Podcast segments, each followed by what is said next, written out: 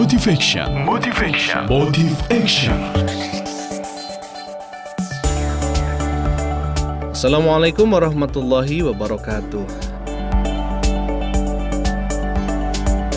Mitra Muslim yang dirahmati Allah dengan kekuatan hati.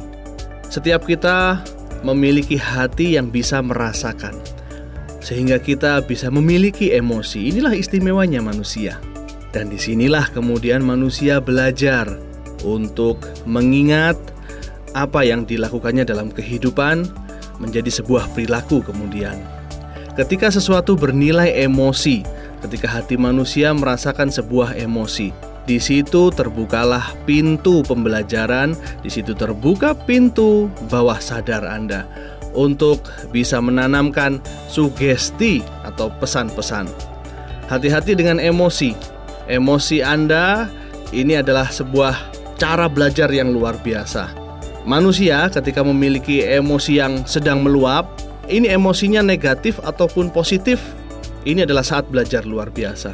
Ada seseorang yang kemudian di dalam bawah sadarnya terhunjam bahwa dia harus kaya.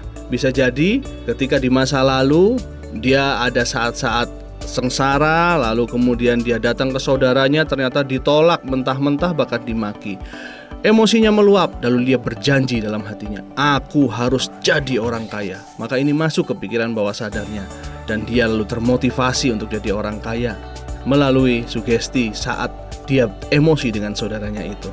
Tapi ada juga yang kemudian emosi positif, mengingat-ingat, "Ya Allah, enak ya kalau saya bisa bawa mama ke Mekah." Saya lalu menggenggam tangannya, di selurusan multazam lalu berdoa dan mama mengaminkan. Menetes air matanya ada emosi positif di sana. Maka kemudian dia bertekad aku harus tahun depan membawa orang tuaku untuk umroh. Maka yang terjadi kemudian sugesti itu masuk ke pikiran bawah sadarnya.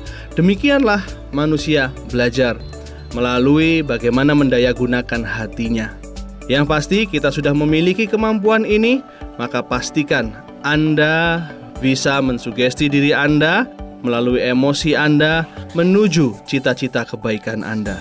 Dan insya Allah dengan menggunakan ini sebaik mungkin bagian dari mensyukuri nikmat Allah dalam kehidupan. Ketika kita memiliki hati, memiliki perasaan, gunakan untuk menanamkan dalam pikiran bawah sadar kita keinginan-keinginan kita, harapan-harapan kebaikan kita dalam ridha Allah. Demikian saya Zen Abidin, motivator muslim. Sebuah motivasi untuk Anda, Suara Muslim Radio Network.